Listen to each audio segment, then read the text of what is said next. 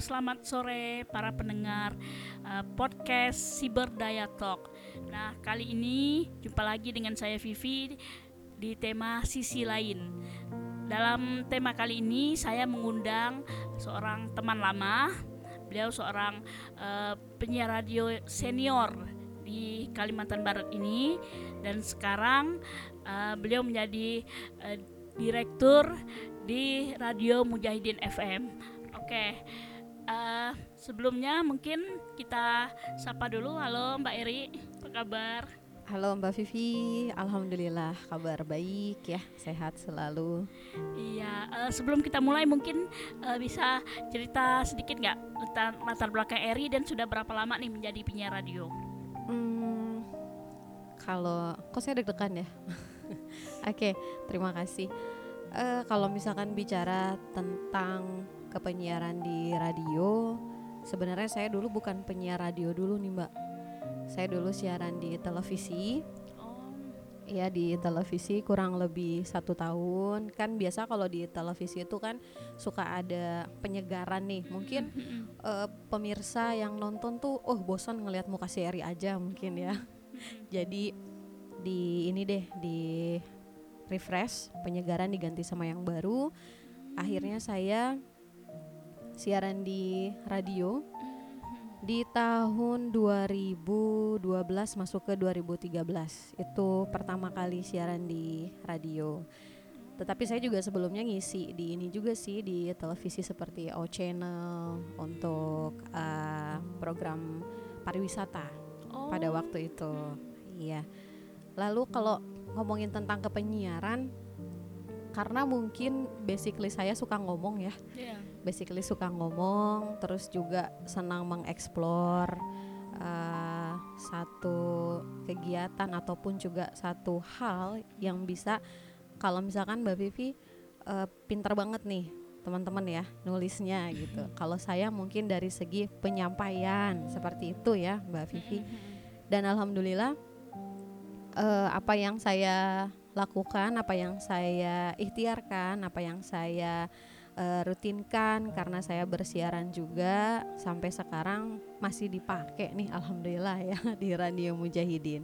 Ya. Hmm. Jadi dari sekitar 2012 lah sudah mulai. Itu siarannya. Kalau saya gabung di Mujahidin FM itu dari tahun 2008. Oh, hmm. lumayan juga ya. Ya lumayan sekitar banget. 12 tahun ya lumayan banyak juga uh, ini sih ya uh, seru dan ininya ya. sih mungkin bisa cerita nih suka dukanya selama menjadi penyiar radio sampai berhasil menjadi direktur di Mujahidin oh kalau suka duka jadi penyiar kayaknya nggak ada duka oh, suka terus ya alhamdulillah ya suka terus terus juga kalau dibilang dukanya ya ketika suara kita lagi bermasalah. Yeah. Jadi kita tidak bisa memberikan informasi kepada pendengar. Kami yeah. manggil pendengar itu ikhwafilah ya. Yeah. Takut uh, di sini keceplosan ikhwafilah apa sih gitu. Jadi ikhwafilah itu pendengar di Mujahidin FM ya.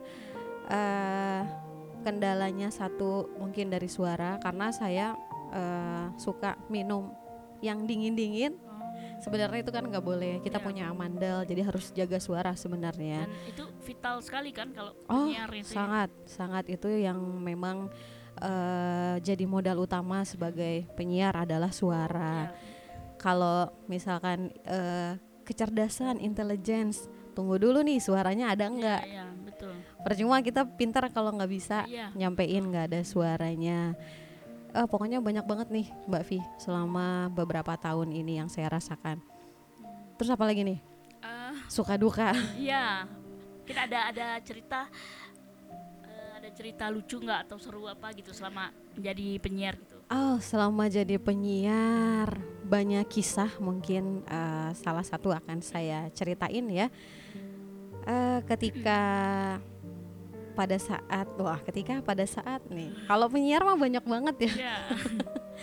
jadi uh, pada satu waktu saya harus bersiaran di hari di mana orang pada weekend, di mana orang pada libur. Saya harus uh, membuat ikwafilah atau pendengar itu merasa bahagia, merasa terhibur. merasa wah pokoknya bagaimana lah ya. Padahal di sisi lain, nah seperti tema ini ya sisi lain. Ya. Padahal di sisi lain nih ya teman-teman semuanya, saya agak ngedumel. Aduh Karena mengganggu orang-orang itu. pada libur ya, terus orang pada bisa weekend jalan ke mana gitu. Ya. Tetapi kita harus stay tune, kita harus standby di studio Mujahidin FM. Tetapi itu merupakan suatu hal yang sangat eh, bermanfaat buat saya. Karena bersiaran itu bukan hanya kita menghibur orang lain, tetapi kita secara tidak langsung menghibur diri kita sendiri dengan eh, materi, dengan apa yang kita sampaikan, dan kita bersyukur ya eh, pada saat eh, live siaran ada yang nelpon, ya eh, Uti Eri, kami senang sekali eh, ada siaran gini gini gini, wah pokoknya campur aduk lah rasanya ya Mbak Vivi. Mhm. Pernah dapat eh, jadwal malam nggak? Oh, alhamdulillah kalau Mujahidin FM itu untuk yang perempuan itu cuma sampai jam 4 sore saja. Oh gitu. Jadi jam 4 ke atas itu untuk yang ikhwan, untuk yang laki-laki ya. Hmm. Eh, kan sekarang ini sedang tren ya, eh, seperti saat ini eh, podcast gitu. Wah, asik Nah. ya podcast ya. Nah, bagaimana sih Erik melihat eh, tren podcast saat ini?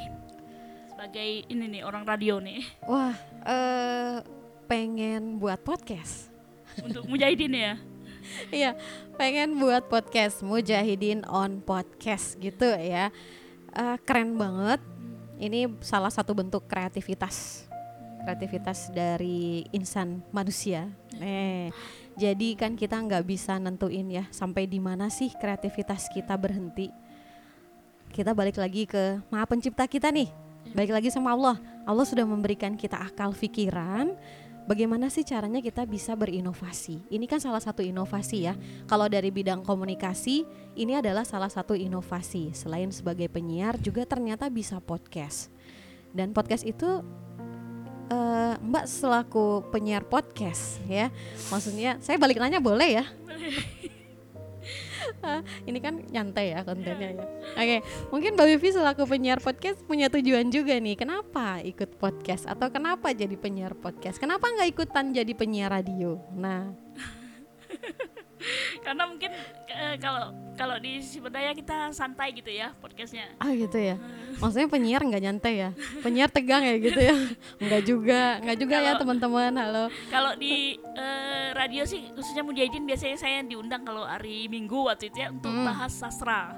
Karena yang lain nggak mau datang gitu. Hari Ah. jadi saya yang datang. Masya Allah ya, itu orang pada weekend juga ya Iya. Mbak Vivi ya. Alhamdulillah. Eh, apakah podcast ini eh, menjadi ancaman gitu bagi radio konvensional? Wah, kalau dibilang ancaman sih kayaknya enggak lah. Enggak ya? Ancaman apa saingan? Ya sama gitu maksudnya. ya enggak lah, enggak. Kita eh, podcast sama radio atau kepenyiaran itu kan punya jalur masing-masing. Kalau saya dari segi kepenyiaran mungkin saya akan menceritakan eh, bahwa kepenyiaran atau seorang penyiar radio itu bisa bersiaran jika memang memenuhi P3 SPS dari KPI. Dan kita itu mohon maaf nggak bisa sembarangan untuk bersiaran, Mbak kalau di kepenyiaran atau di radio itu kita tertata. Terus segmentasi nih, balik lagi ke segmentasi radio. P3 SPS itu Mbak peraturan ya, peraturan peraturan kepenyiaran standar siaran itu kita punya dari KPI. Jadi nggak boleh ngomongin tentang ya ras, Ya. sara dan lain sebagainya itu nggak boleh. Terus balik lagi ke segmen radio. Ini segmen radio yang kita punya apa? ya. Kalau Dengarnya ya. ya eh, segmen pendengarnya kita radio mujahidin radio dakwah otomatis eh, kita punya benteng-benteng apa aja sih yang harus disampaikan apa aja sih yang nggak boleh apa aja sih yang eh, ini eh, dilarang karena begini akan menimbulkan seperti ini tetapi jangan salah loh mujahidin FM sekarang oh itu nanti ya kita cerita ya ada ada pertanyaannya ya kayaknya Oh ya. untuk ke depannya ya apa sih sebenarnya? Jadi menurut Eri eh, podcast ini bukan ancaman Bukan. bagi Eh, bagi menurut saya bukan ancaman karena tadi saya bilang masing-masing kita punya porsinya, punya tujuannya sendiri. Kalau untuk eh, kepenyiaran atau dari radio sendiri, radio kalau mau bikin podcast bisa. Mm-mm. Sekarang saya nanya, podcast bisa bikin radio nggak? Jawab mbak. Jadi saya yang Kalau ditanya ya. podcast ini seperti ini ya, seperti apa? Indie lah, indie radio gitu kan ya lebih mhm. terdigital gitu. Ya melalui digital. Ya. AA dan eh, sedikit banyak tentang podcast yang saya eh, googling itu kan ada podcast audio, ada Ya. juga podcast yang video Hmm. ya. Itu keren-keren banget. Itu inovasi tuh. Ya, Banget. Itu bisa masuk kan ke ekonomi kreatif? bisa, bisa banget. Nah, bisa masuk ya karena selama ini kan yang masuk di ekonomi kreatif itu terkait broadcasting hanya televisi dan radio. Ya. Apakah nanti ke depannya nih ya, apakah Ya. nanti ada yang namanya podcast gitu Nyiar pod- kan. podcaster gitu ya. Ya podcaster, ya bener banget sih. Kalau podcast pakai latihan atau ini enggak sih Mbak? Kalau podcast pakai apa? Eh, semacam tiga pem- bulan latihan. Nah, kalau di Siberdaya enggak sih, Oh nggak ada ya? langsung aja. Oh, oh langsung ya, langsung mantap mantap. terjun. Mhm. Nah, eh, kalau kita nyambung nih ya di era digital boleh. saat ini, eh, apa sih eh, yang udah dilakukan Mujahidin untuk menjangkau pendengar milenial? Oh milenial. Ya, Oh mantap nih ya pendengar-pendengar milenial. Alhamdulillah eh, amanah yang saya emban itu di tahun 2019 awal saya memang merubah berbagai macam segmen yang saya pikir kalau saya harus eh, mengikuti yang lama itu kita nggak akan bisa maju. Tetapi saya harus bisa melek ngelihat perkembangan zaman tanpa keluar eh, dari koridor eh, syiar dakwahnya Mujahidin FM. Ini dari kami ya Mbak ya, kayak dari orang radio Mujahidin FM.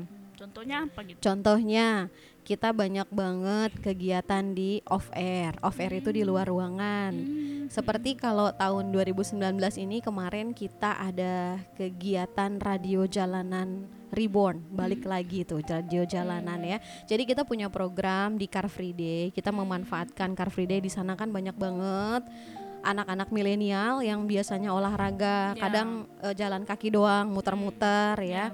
Terus juga kita punya kegiatan yang melibatkan eh, anak-anak milenial juga, milenial yang eh, ingat sama dakwah. Kita pernah mengadakan seperti eh, acara kayak seminar ya Mbak ya di warung kopi salah satu warkop nih di Kota Pontianak. Lalu juga ada kita melibatkan untuk anak-anak milenial ketika 17 Agustusan. Kita turun tuh, turun ke jalanan dan nggak lupa juga nih ya teman-teman semuanya kalau teman-teman mau ngunjungin uh, channel YouTube-nya Mujahidin FM Pontianak, di sana sudah banyak banget program-program off air yang kita buat. Ketika masa pandemi ini juga karena kita tidak bisa eh, menjangkau, tidak bisa turun langsung ya, terjun untuk off air, kita eh, bikin-bikin eh, video bagaimana sih cara menghadapi pandemi ini, Ya. bagaimana sih cara ya dan lain sebagainya. Intinya adalah saya harus bisa berpikir untuk bagaimana sih terus berkarya, Ya. berkarya dan berkarya, nggak ada habisnya ya. Kalau mm-mm, kalau sesuai dengan tuntutan zaman saat ini. Iya, kalau ciptaan Allah mah ya nggak akan ada habisnya nih eh, Mbak Vi. Jadi insya Allah selalu Allah berikan eh, ini juga ide-ide cemerlang nih. Ditambah tim-tim Mujahidin FM ya, ada tim of air, tim kreatifnya juga masya Allah. Mereka banyak ide cemerlang yang insya Allah bisa nyambung dengan saya juga. Ma- Sekarang mainnya di media ini ya, media sosial yang eh, YouTube lah, Hmm. apalah Ya, gitu kan, untuk Instagram. mereka itu kan. Ya, Nah, termasuk podcast ini kan termasuk podcast insya Allah nanti Mujahidin FM podcast ya sedang kita rancang per temanya seperti apa mungkin Mbak Pipi nanti juga jadi siap. tamunya kita tukeran nih Mbak ya siap. oke Nah, Erik kan nih pernah aktif juga nih di Jewita Kalbar gitu kan. Mhm. Eh, ju- jadi Jewita itu adalah singkatan dari eh, Jejaring Jaring Wisata Wisata Kalbar. Nah, bisa cerita dikit gak soal Jewita ini? gitu? oh gitu ya jejaring wisata Kalbar ini sebenarnya kalau saya harus eh, menjelaskan semua mungkin agak-agak lupa-lupa dikit. aja. secara singkat ya. Baiklah teman-teman. Jejaring wisata Kalbar dari judulnya aja udah eh, tahu kan jejaring. Nah jejaring tuh biasanya nyambung sama daring-daring. Zaman sekarang kan sekolah daring juga nih. Ya, iko, ya, ikwafilah tuh kan jadi keceplosan. mohon maaf. Jadi eh Jewita ini jejaring wisata Kalbar. Kita mengeksplor tempat-tempat wisata yang memang selain ada bahasanya kita kalau off air di luar kegiatan, ada juga mungkin di dalam secara online. Seperti itu Mbak Vivi dan kita juga mempromosikan nih wisata-wisata yang ada di Kalbar. Itu kan eh, promosi nilainya luar biasa ya. Ya. Karena kan orang di luar Kalbar juga bisa menjangkau Instagramnya, bisa Hmm. menjangkau YouTube-nya, walaupun mereka belum datang ke sini. Ya. Ah, ah, jadi kita mainnya di media sosial. Eh, apakah anggotanya ini wartawan semua atau gimana? Ya ini sih nanya atau nggak perlu dijawab nih ya? Enggak. Karena biar biar orang tahu gitu. Iya iya, anggotanya kebanyakan dari teman-teman wartawan. Insya Allah dari berbagai media cetak, media elektronik juga ada. Nggak Kalau- diundang ya mereka ya Mbak Vi? Kalau umum gitu mau bergabung itu bisa gak? Atau gimana? Eh, kayaknya bisa lah. Tapi saya sekarang sudah tidak aktif tidak lagi. aktif Mungkin nanti bisa menghubungi Mbak Nina. Oh Mbak Nina Nah, ya. Mbak Nina juga dari ngurusin Tribun ya. podcast ya. Tribun Pontianak. Nah, Hmm. eh, sewaktu bersama Juwita gini, udah Hmm. pernah traveling ke mana aja sih di khusus di Kalbar ini?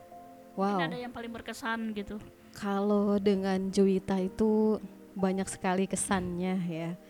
Senangnya banyak. Ya. Kalau dukanya sih, kalau saya nggak terlalu mempermasalahkan dukanya nih teman-teman. Saya senangnya aja karena sangat bermanfaat. Mungkin yang paling jauh ke mana gitu? Paling jauh saya ini ke daerah Bengkayang, Bengkayang. Riam Panggar. Oh, Tuh, ya, buat teman-teman mungkin udah pada Iya. pernah ke sana yang Jadi, tiga tingkat itu ya. Kabupaten Bengkayang itu ada sekitar seratusan lebih loh. Wah eh, keren. Riam atau air terjun. Oh keren keren. Riam Panggar Iya. ya. Ada Riam Rasap. Ya, Kalau nggak salah saya bagian yang keduanya gitu kan. Masya Allah tuh Mbak Vivi.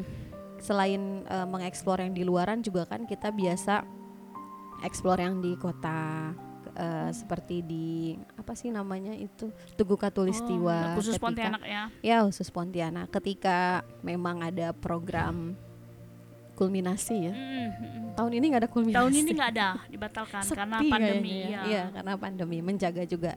Mhm. Eh, selama traveling itu, eh, menurut Erik pribadi ini melihat ya secara pribadi bagaimana sih kondisi pariwisata di Kalimantan Barat? Kondisi gimana nih? Kondisi misalnya akses menuju ke tempat itu atau eh, pelayanan di, selama di sana atau seperti apa gitu. Oke, terima kasih. Pada saat saya di sana, ini kan sebenarnya pertanyaannya untuk Ibu Windy ya. Bu Windy nih. Oke, Ini kalau sebagai menurut ini sebagai saya- traveler. uh, traveler ya, uh, untuk saya sendiri sih karena saya suka berjalan ya, suka memang uh, Traveling. jalan-jalan, traveling, mau pakai kendaraan um, roda dua atau roda empat, it's okay, alhamdulillah ya. Akses ke sana sih kalau waktu tahun yang dulu ya, itu lumayan. Saya bilangnya gitu. gimana ya Mbak? Itu tahun berapa tuh? terakhir? 2018. Oh, masih dua tahun yang lalu Dua lah. ya. tahun yang lalu sudah lama ya. Itu masih lumayan bisa diakses, hanya saja kitanya harus tahan lah karena jiwa petualang kan nggak semua orang punya. Ya, betul. Jadi eh, jiwa petualang itu hanya untuk orang-orang yang seneng explore aja nih ya I- itu teman-teman menuju ya. ke ke Riam, Riam itu. ya. Oh. Untuk ke Riam eh, perjalanannya luar biasa dan juga saya pernah bareng-bareng sama teman Cewita itu ke Hmm. Pulau Temajuk, Oh, ya, di Sambas. Sambas, Ya. sana Yang lagi ada ya. penyu. yang ada penangkaran Iya, penyu. Iya, itu itu yang lebih amazing. Oh, ya. Itu yang lebih berkesan. Kita di perjalanan wah mendaki gunung lewati lembah, Masya Allah ya jalannya hampir masuk ke sebelah sini gitu kan.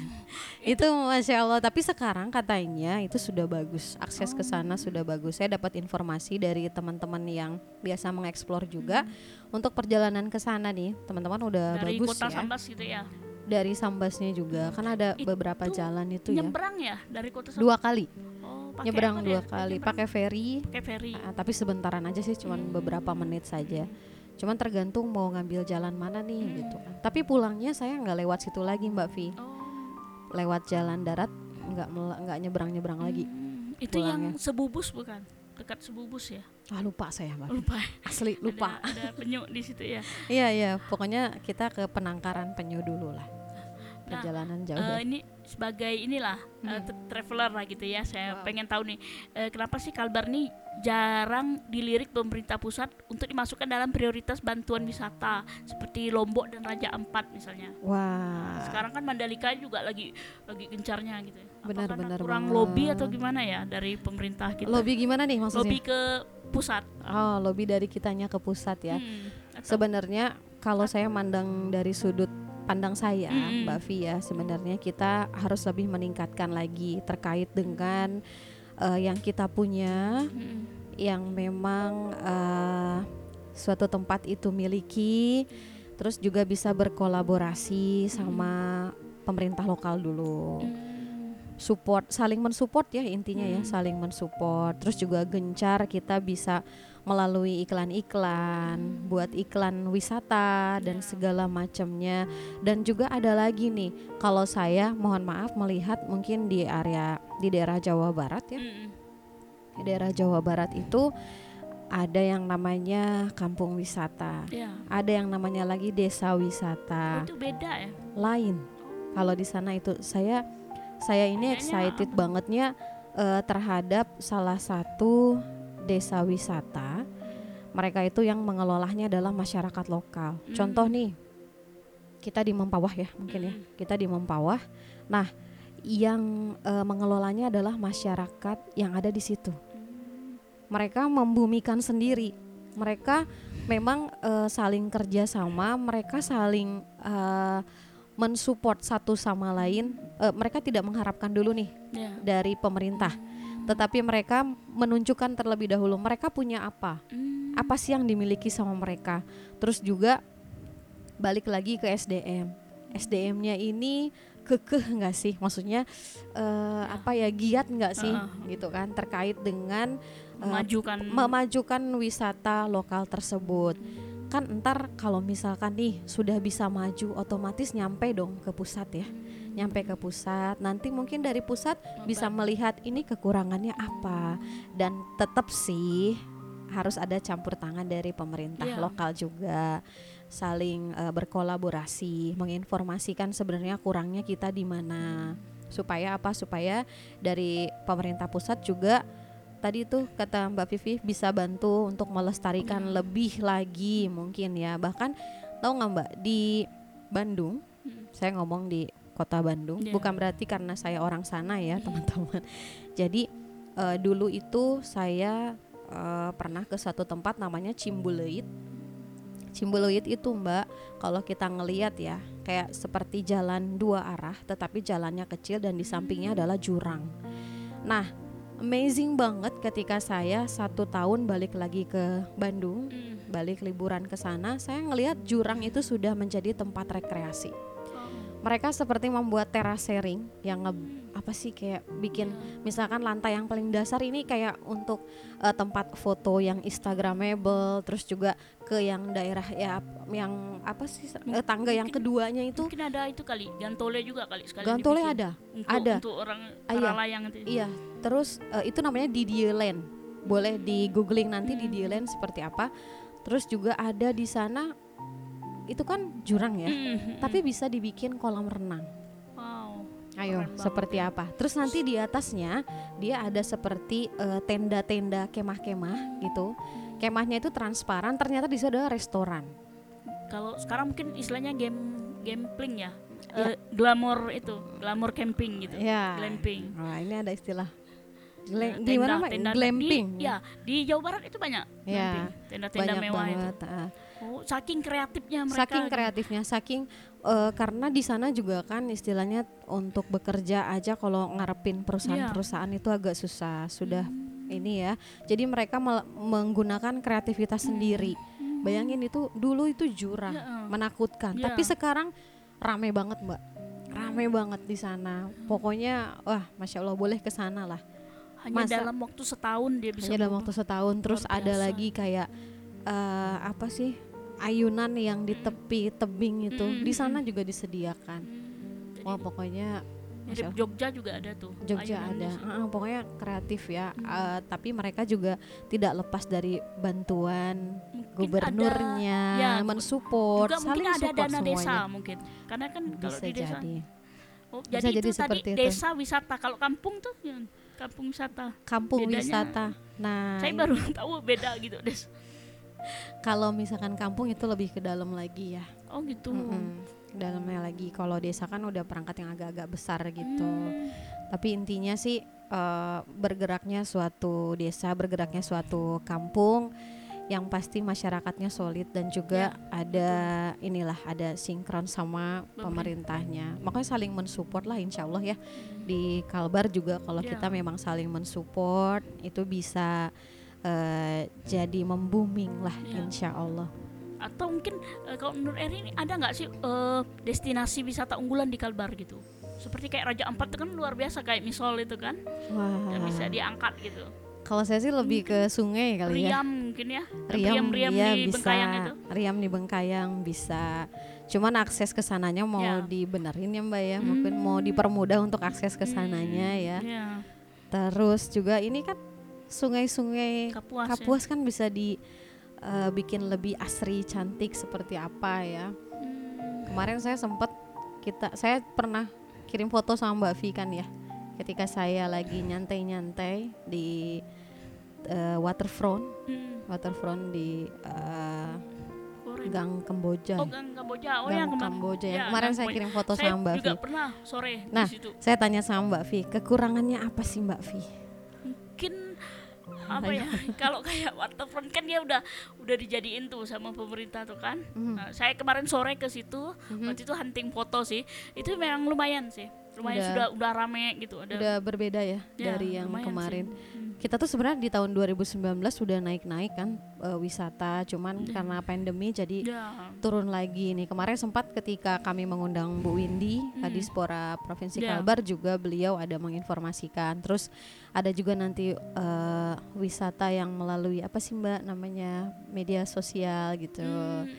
Mhm, ada juga dan kalau kemarin saya eh, survei sendiri sih, Hmm. survei sendiri ngelihat di malam harinya itu di seberang sana Hmm. gelap ya, mungkin Ya. lampunya agak kurang di sebelah sana atau mungkin pemerintah punya eh, tujuan tertentu mungkin kenapa di waterfront sebelah sini yang diramein di sana enggak gitu saya nggak tahu juga padahal kan kalau misalkan di ujung sananya juga rame kan Iya. seru ya Ya. mungkin kalau pakai drone ngelihatnya tuh keren banget ya Ya, lampu-lampu mm. Nah, Sup- mm. ini lanjut malah lanjut ngomong terus nanti menurut Eri Abis. nih, apa aja sih yang masih harus diperbaiki agar bisa mendatangkan wisatawan dari luar Kalbar lebih banyak lagi nih ke sini? Oke, kita kan eh, banyak yang warga, bukan warga sih anak-anak milenial ya, Hmm, yang ya. mereka ngerti banget, paham banget sama gadget. Kenapa tidak eh, saling mensupport juga melalui gadget, mensupport Hmm. melalui media sosial, terus banyakin lagi dong eh, ngevlog-vlog eh, untuk wisata, terus eh, kayak kalau Genpi gitu ya anak Genpi saya itu kan ngomong biasa- Genpi ya. Oh, iya. Oke, iya seperti Genpi ya generasi pesan Indonesia. Mhm. mereka mempromosikan Ini kita ngomong karena mantan Genpi ya. Masya Allah. Ya jadi bisa saling mensupport satu sama lain. Kita bermainnya di media sosial lah kalau begitu. Hmm, ya. Tapi kadang ya saya kalau buka-buka eh, vlog-vlog gitu kan, Hmm, eh, ada yang ada yang ini ya cara ngambil gambarnya juga kurang Hmm. bagus jadi kurang Ya. eye catching gitu Masih kan ngelihatnya kayaknya agak gimana gitu ah, jadi kalau mau diposting ya dilihat dulu lah mau edit-edit dikit nggak apa-apa mungkin ya. kan ya mungkin perlu pelatihan lagi gitu. perlu pelatihan eh, cara-caranya bagaimana. Nah itu di situlah dia peran pentingnya komunikasi. Podcast kepenyiaran Ya. broadcast juga kan.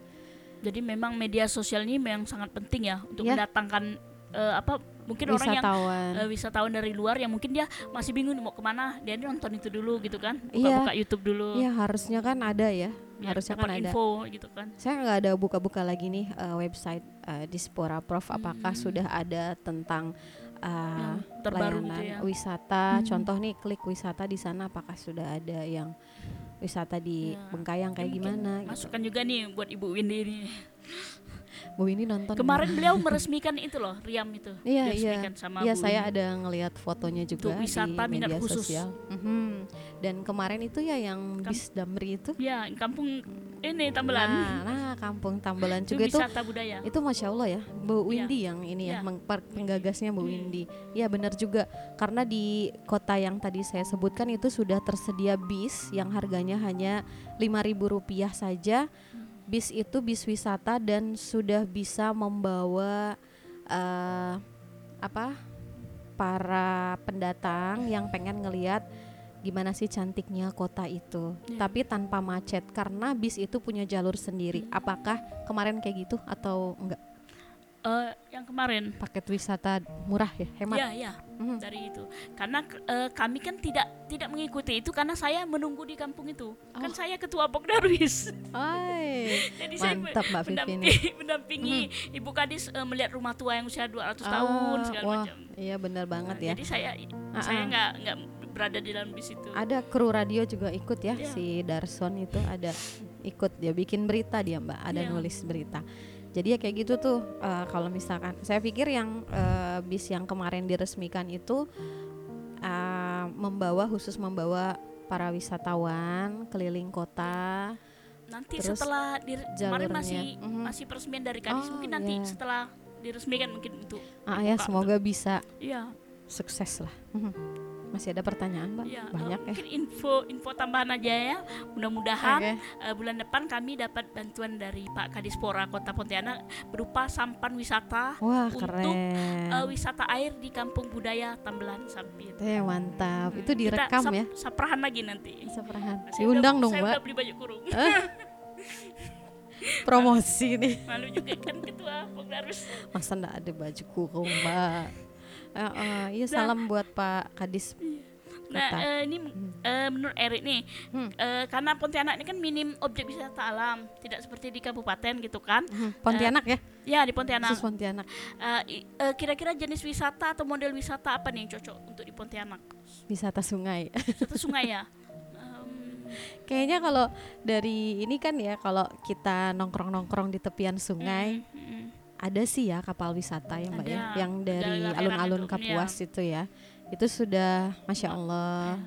Tapi boleh dong diramein lagi sama anak-anak lokal. Jangan hobinya nongkrong di Ya. warung kopi saja nongkrongnya di kapal itu juga dong kan sebenarnya majunya sebuah apa nah sebuah daerah Hmm. sebuah negara itu karena anak mudanya juga kalau anak mudanya bisa berpikiran kreatif berpikiran dan berinovasi insya Allah daerahnya juga bisa maju ayo yang kreatif yang Ah, mana Sekarang kita ngobrolin ekonomi kreatif ini kan nyambung nih tadi.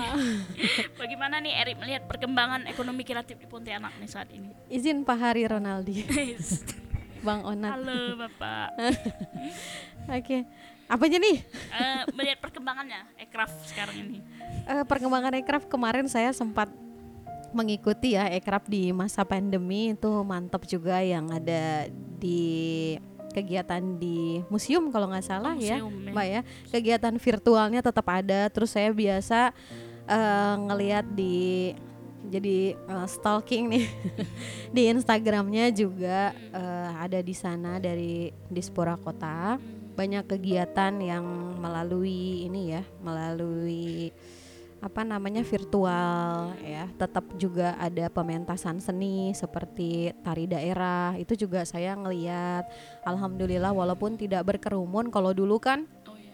kalau dulu kan kita uh, ikut juga kan ya. Ya, waktu itu ikut juga nih harus teman-teman rame ya gitu kan. ngeramein dan uh, antusiasme para anak muda bahkan orang tua juga itu uh, rame ya ikut semuanya. Masya Allah kalau sekarang karena memang keadaan pandemi seperti Ya. ini kita harus uh, kreatif juga dong. Bagaimana sih caranya supaya kreativitas kita dilihat sama orang tanpa harus berkerumun? Yaitu tadi salah satu contohnya pakai virtual tadi. Tapi udah keren banget ya sekarang. Cuman tinggal itu tadi sih sebenarnya kuncinya. Harus kerjasama dengan pemerintah harus saling mensupport. Terus berani juga kita kalau punya sebuah karya Mbak Vi, teman-teman, kalau kita punya sebuah karya, jangan takut diejek sama orang, karena belum tentu nih orang yang uh, ngomongin karya kita dia bisa bikin seperti itu. Mantap. Karena uh, bagi saya setiap karya itu uh, punya nilai sendiri, nggak usah saling mengejek. Bisa nggak lu buat kayak gini Ya, gitu? Nah, betul mhm. Eh, Masih banyak? ya mungkin Masih ada terakhir- nih. terakhir Waduh. kayaknya Wah, Eh, udah terakhir. Nggak kerasa nih. bagi para pelaku ekonomi kreatif ini apa dan bagaimana seharusnya menghubungkan mereka dengan dinas karena masih banyak yang eh, sepertinya belum dirangkul gitu para pekerja ekraf ini oleh Oh dinas iya ya, benar ya. Spora khususnya Ya, di Spora. Bang Onat lagi, Pak Hari Ronaldi lagi nih. Kalau eh, saya melihat ini mungkin kita kembalikan kepada para pegiat ekonomi kreatif. Eh, kepada para jangan takut lah kalau kita kreatif mah pasti bisa pasti bisa eh, dilihat, pasti bisa berkembang, pasti bisa juga apa sih Mbak namanya ini lebih ke bantuan atau apa Eh, ini? mungkin eh, menghubungkan mereka gitu dengan Menghubungkan kan, karena selama mereka. ini eh, ada beberapa seniman yang eh, mereka nggak mau gitu berhubungan dengan pemerintah seperti itu Wah, pasti mereka punya alasan sendiri ya, mungkin kenapa tidak mau tidak, tidak mau dibatasi gitu Mhm. kreativitasnya Oke, padahal kan yang namanya eh, ekraf ada 16 subsektor. ya, Salah satunya kita ya, eh, televisi sama radio. ya, betul Jangan selalu mengharap kalau bagi saya nih Mbak, mohon maaf kalau ada yang tersinggung ya. Kalau bagi saya jangan harus menunggu dari atas untuk merangkul kita. Mhm. tapi kita harus tetap memperlihatkan eksistensi kita, kita memperlihatkan karya kita. Kalau Bagi saya seperti itu. Mungkin eh, ini di luar dari eh, orang itu punya alasan tersendiri lah ya. Tetapi harus kita coba untuk bisa datang kalau emang pengen nih pengen seperti tadi Mbak Vivi yang tanyakan kalau emang pengen dirangkul sama pemerintah kita jangan nunggu pemerintah datang ya. Kenapa nggak kita sendiri yang langsung datang? Kenapa nggak kita sendiri yang mendekatkan? Malahan kan eh, Pak Hari Ronaldi selaku eh, ekrafnya Ya, juga kabit ya, kabit ekraf ya, beliau itu sangat welcome. Beliau itu juga eh, sangat bisa dibilang orang yang sangat kreatif ya, Pak Hari ya, alhamdulillah. Beliau juga bisa kita jadikan tempat untuk bertukar pikiran terkait dengan ekonomi kreatif. Itu amazing banget tuh, Mbak ya. karena eh, ekonomi kreatif ini kan salah satu eh, hasil terbesar Ya. di Indonesia dari ekonomi kreatif. Bener nggak sih? betul Pemasukan yang besar itu dari ekonomi kreatif. mungkin kalau ini menurut saya gitu Hmm. karena Pontianak ini minim sumber eh, wisata alam mungkin dia harus ditempel dengan ekonomi kreatif Oh, baru, harus. baru dia bisa rame gitu orang yang datang Iya, karena harus kita kan kolaborasi. punya bukit nggak punya kalau mungkin di Bengkayang air terjun gitu doang orang rame datang tapi Mhm. Pontianak kan nggak- bisa kayak gitu gitu jadi Iya. dia harus ada event di di tempat wisata itu kan Iya, iya. Eh, Mana menurut Erin ini kan eh, ini kan kita ngomonginnya di di zaman milenial sekarang ya. ya Zaman milenial sekarang yang otomatis anak-anak mudanya milenial banget gitu. ya mereka pasti punya sebuah pemikiran, mereka pasti punya sebuah ide yang mungkin ide tersebut bisa dibantu nih sama pihak terkait nih Hmm. yang bisa me, apa namanya tuh eh, bisa mewujudkan ide tersebut. Karena percaya deh, karena saya pernah juga punya ide ketika saya pengen mengembangkan ide tersebut sendirian itu nggak jadi-jadi. ketika kita bicara sama ahlinya, sama pakarnya, kita punya ide seperti ini, masukan itu datang, Mbak. Masukan itu merupakan hal yang eh, berharga buat saya. Jadi jangan sakit hati, jangan marah kalau ada orang ngasih masukan, apalagi masukannya negatif nih mungkin kan. Karena kalau orang yang udah pakar itu udah tahu nih ke depannya tuh bakalan seperti apa. Jadi untuk para eh, anak-anak milenial ya, jangan takut untuk mengeluarkan ide kreasi dan karya. Tuh. Tapi harus dilihat dulu nih apakah sesuai ya, apakah ujung-ujungnya bisa nanti ke pelaporan dan lain sebagainya itu jangan sampai. Pokoknya tunjukin deh kreativitas mungkin yang eh, punya band ya bisa mungkin ya eh, manggungnya di tepian Kapuas ketika pandemi sudah selesai gitu. dan tidak perlu mengharapkan selalu mengharapkan bantuan pemerintah. Oh iya, iya, nggak harus. Justru kita harus nunjukin dulu nih Ya. sama pemerintah, kamu bisa apa? Lu punya karya apa? Seperti itu. Nah ini kayak podcast begini juga kan, masya Allah nih. ini mengembangkan kreativitas juga selain mengembangkan cara berkomunikasi yang baik, ya, mengembangkan juga informasi. Kita saling tukar informasi nih kan. Tadi bukan hanya Mbak Vivi aja yang nanya, saya juga Iya. kepo juga nih sama Mbak Vivi. Mbak Vivi menang apa sih gitu kan? Masya Allah nih teman-teman. Jadi yang siarannya siapa? Ini repotnya mengundang penyiar radio nih. Malah ditanya ya nggak sih? Hmm, apalagi nih Mbak Vini? Nah, Ada lagi nih? terakhir nih eh, saran Hmm. dari Erik nih untuk eh, memajukan pariwisata dan ekonomi kreatif di Kalbar khususnya kota Pontianak itu seperti apa? Oke, kalau dari tadi sih kayaknya saya sudah ngomong, Mbak. Jangan takut berkarya ya. Hmm, Jangan takut untuk dicemooh orang. hmm. Jangan takut berkreasi intinya. Kalau misalkan di sini yang nonton ya ataupun yang sedang mendengar podcast ini ada mungkin karya yang pengen dipublikasikan, Mujahidin FM siap. Silahkan. Nah, kadang kan akses atau jalurnya itu yang mereka nggak punya. Iya, boleh. Melalui Mujahidin FM bisa, misalkan eh Uhti Eri atau eh, Mbak Eri datang, silakan datang aja ke kantor ya. Misalkan eh, saya punya kreativitas begini, bisa nggak sih dari Mujahidin FM memfasilitasi dari segi kepenyiarannya, memfasilitasi dari segi eh, jalurnya nih harusnya ke mana nih Nah, Uhti itu gitu kan? Silahkan, silahkan, Minimal bisa bisa datang. jadi narasumber lah gitu. Iya betul. Eh, Alhamdulillah kan Mujahidin FM juga bukan hanya Pontianak dan sekitar di Kalbar, tetapi kita kan sudah streaming ya, Hmm. streaming, insya Allah. Terus biasanya kalau bernarasumber kita ambil gambarnya untuk kita publikasi di channel YouTube-nya Mujahidin FM. Jangan lupa subscribe ya Mujahidin FM Pontianak tuh kan jadi iklan nggak apa-apa ya. Mas operator saya izin tuh ngangguk-ngangguk dia Mbak. Harusnya kameranya gini-gini ya. Waduh, seneng juga nih. Nggak selesai Mbak. Oke, eh, terima kasih banyak loh Mbak Erik nih sudah menyediakan waktunya di, di sela-sela kesibukan beliau sebagai direktur Radio Mujahidin Wah, FM. Masih mau menjadi tamu saya di Amin. episode kali ini. Mhm. Nah, em, teman-teman pendengar podcast si berdaya, sekian dari saya dan sampai jumpa di hari Jumat berikutnya di dengan tema sisi lain dan bintang tamu yang berbeda. Amin. Wassalam. Assalamualaikum.